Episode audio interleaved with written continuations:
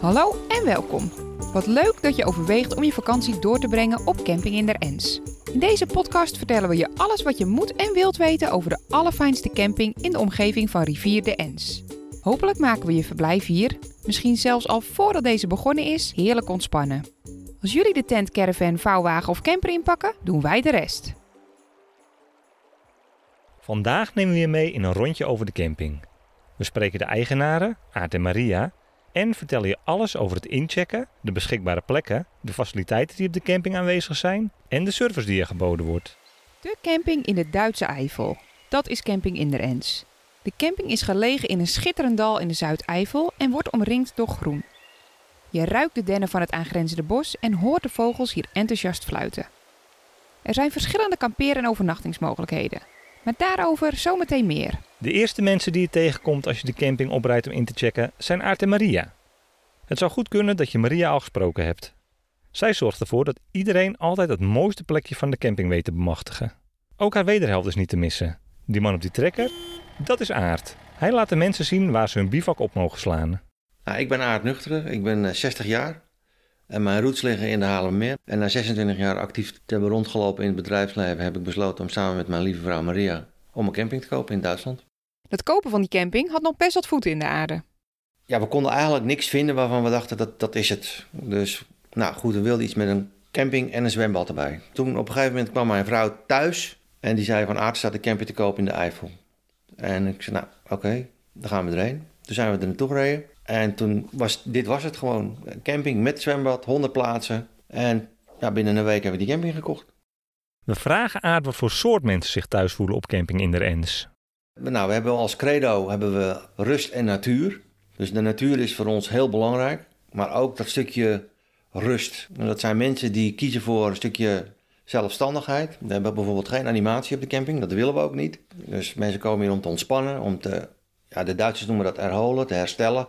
De stress weg. En dan, dat doe je ook in de natuur door lekker te gaan wandelen, lekker te gaan fietsen. Met elkaar s'avonds een borreltje te drinken. En zo, zo zien wij die, die doelgroep. En ja, we hebben eigenlijk twee hoofddoelgroepen. Dat zijn gezinnen met jonge kinderen. En we hebben dan in het voor- en naseizoen hebben we de senioren. En daar heb je nog wel de gezinnetjes met hele jonge kindertjes bij. Dus de meeste kinderen die nog niet naar school hoeven. Een camping voor jong en oud dus. Mocht je een plek op de camping willen veroveren, dan legt Aard ook nog even haarfijn uit welke mogelijkheden er zijn. Nou, wat voor mogelijkheden hebben we op de camping? Nou, we hebben uiteraard gewoon een standaardplaats. Dat is 100 vierkante meter. Daar heb je een wateraansluiting bij en een stroomvoorziening. Dan hebben we een, eh, een plaats met een hardstanding. Dus ook 100 vierkante meter. Een hardstanding wil zeggen, je hebt je voortent of je terrasje zeg maar, voor je caravan of voor je tent. Dat is van steentjes. Het voordeel daarvan is dat je altijd met droge voeten kampeert. En de functie van zo'n hardstanding is dat het water wordt opgevangen. Camping ligt in een dal, in het Ensdal. En het water loopt dus van de berg af naar beneden. Nou, in het begin hadden we er heel veel problemen met dat water. En door deze bakken neer te leggen, lossen we dat probleem op. We vangen dat water op in die bakken en dat water zakt vanzelf naar beneden. Dan hebben we comfortplaatsen. Dat zijn plaatsen van 120, 125 vierkante meter. Die hebben een wateraansluiting, die hebben een stroomaansluiting en die hebben ook een afvoer. Dus dan kunnen mensen met wat luxere caravans fantastisch kamperen. Dan hebben we plaatsen met privé-sanitair. Ja, het woord zegt het al, dat zijn comfortplaatsen met water, afvoer, elektriciteit en een eigen badkamer. Dus in die badkamer zit een douche, een toilet en een wastafel. En dan is er ook nog de mogelijkheid om voor optimaal gemak te gaan. Ja, we hebben nog twee chalets en een waldhute. En in die chalets die zijn geschikt voor vier en voor zes personen. Nou, dan kun je gewoon fantastisch uh, verblijven. We staan op een aparte plek tegen de rivier, heel mooi. Dan hebben we een waldhute. Ja, de, de waldhute dat is een, uh, een houten hut die oorspronkelijk gewoon in een bos wordt geplaatst. Nou, die hebben we speciaal voor onze camping hebben we die aan laten passen. Met een uh, vierpersoon stapelbed. Kom je niet zo heel veel tegen. Er zit een keukentje in. En uh, daartussen zit een kledingkast, een opbergkast. En dan heb je nog een zithoek waar je kan eten en s'avonds lekker kan zitten. Aan de buitenkant de veranda waar je heerlijk onder kan zitten en genieten van de Eifel, de buitenlucht. Zeg Aart, kunnen de gasten jou ook nog in het wild tegenkomen tijdens hun verblijf?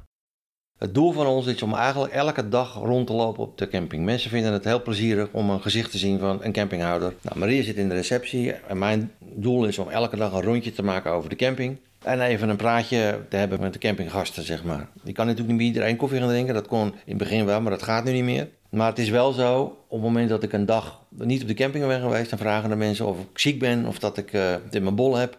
dat contact met die klant, dat wordt dus wel enorm op prijs gesteld op het moment dat je aanwezig bent. Ja. Tot slot schetst Aard op zijn aard nog even de situatie die je kunt verwachten als je de camping opkomt rijden. Uh, omdat we natuurlijk maar een beperkte ingang hebben, proberen we elk mens persoonlijk te ontvangen.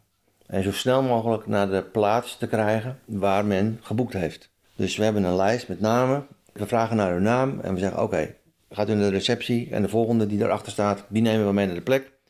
En die zetten we dan neer. Nou, vervolgens gaan die mensen, als ze er zijn, gaan ze naar Maria. Daar uh, worden ze in de receptie ontvangen. En daar ja, doet Maria haar verhaal. En ik denk dat je dat het beste aan Maria kan vragen. Want die, uh, die weet precies hoe dat moet. En ik bemoei me daar niet mee. Want ik heb ooit één keer een klant ingeschreven. En een verkeerde plek gegeven. En dat heeft het halve hoogseizoen doorgewerkt. En zo heeft Maria ook een keer in haar onschuld een keer iemand neergezet op een plek. Er kon, konden geen twee caravans meer naast elkaar daarnaast. En dat is een drama. dus ieder moet zijn ding doen. Aard zei het al. We vinden Maria voornamelijk in het receptiegebouw, waar ze de gasten, samen met hondje Max en de katten, verwelkomt. Ik ben Maria, ik ben uh, 55. Ik kom uh, zelf uit uh, Haarlem. Daar ben ik uh, geboren en getogen. En ik heb veel customer service gedaan voor verschillende bedrijven. Ja, toen ik Aard leerde kennen, toen begon ik eigenlijk al nou, heel snel van... ik wil een camping, ik wil een camping. En zijn we in Duitsland terechtgekomen via een collega van mij. Die wist van, ja, wij, zoeken een camping. En die wist eens van, ja, er staat een camping te koop in de, in de Eifel. En toen zijn we eigenlijk gaan kijken en zo zijn we hier terechtgekomen.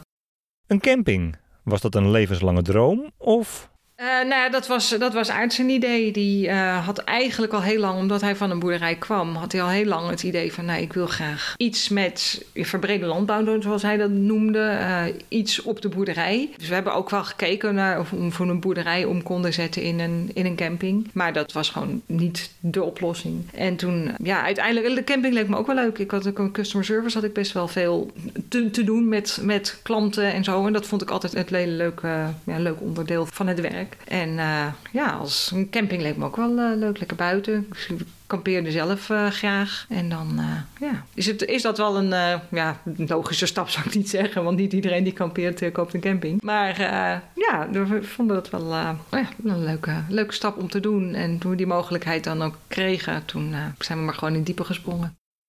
Aard zet mensen op een plek. Letterlijk en soms figuurlijk.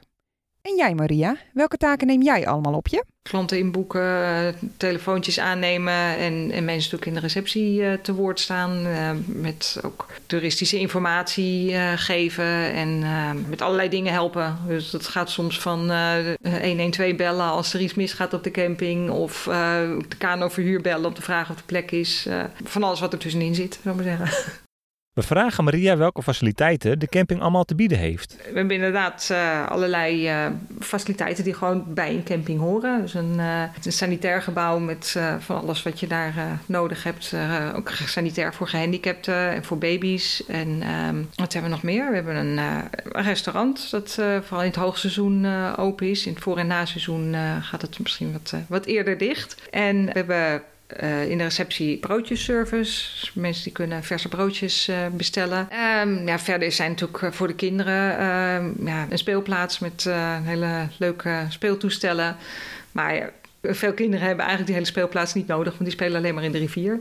Dus die bouwen dammetjes en uh, ja, proberen het water tegen te houden. En uh, arme kreefjes in de rivier, die, uh, die worden ongeveer 100 keer per jaar gevangen en weer teruggezet. En, maar ja, de kinderen hebben de grootste lol.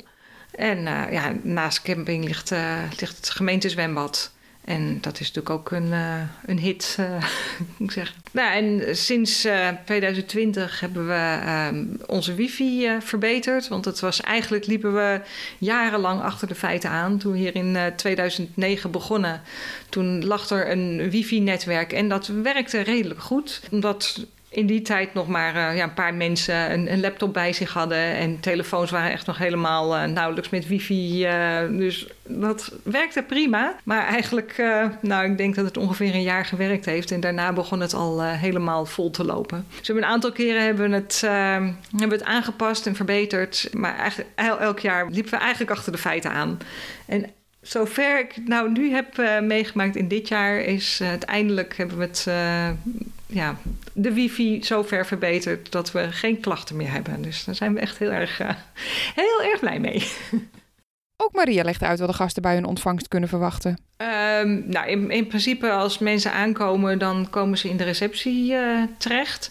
Als ze van tevoren gereserveerd hebben, dan uh, ja, krijgen ze eigenlijk gewoon een uitleg.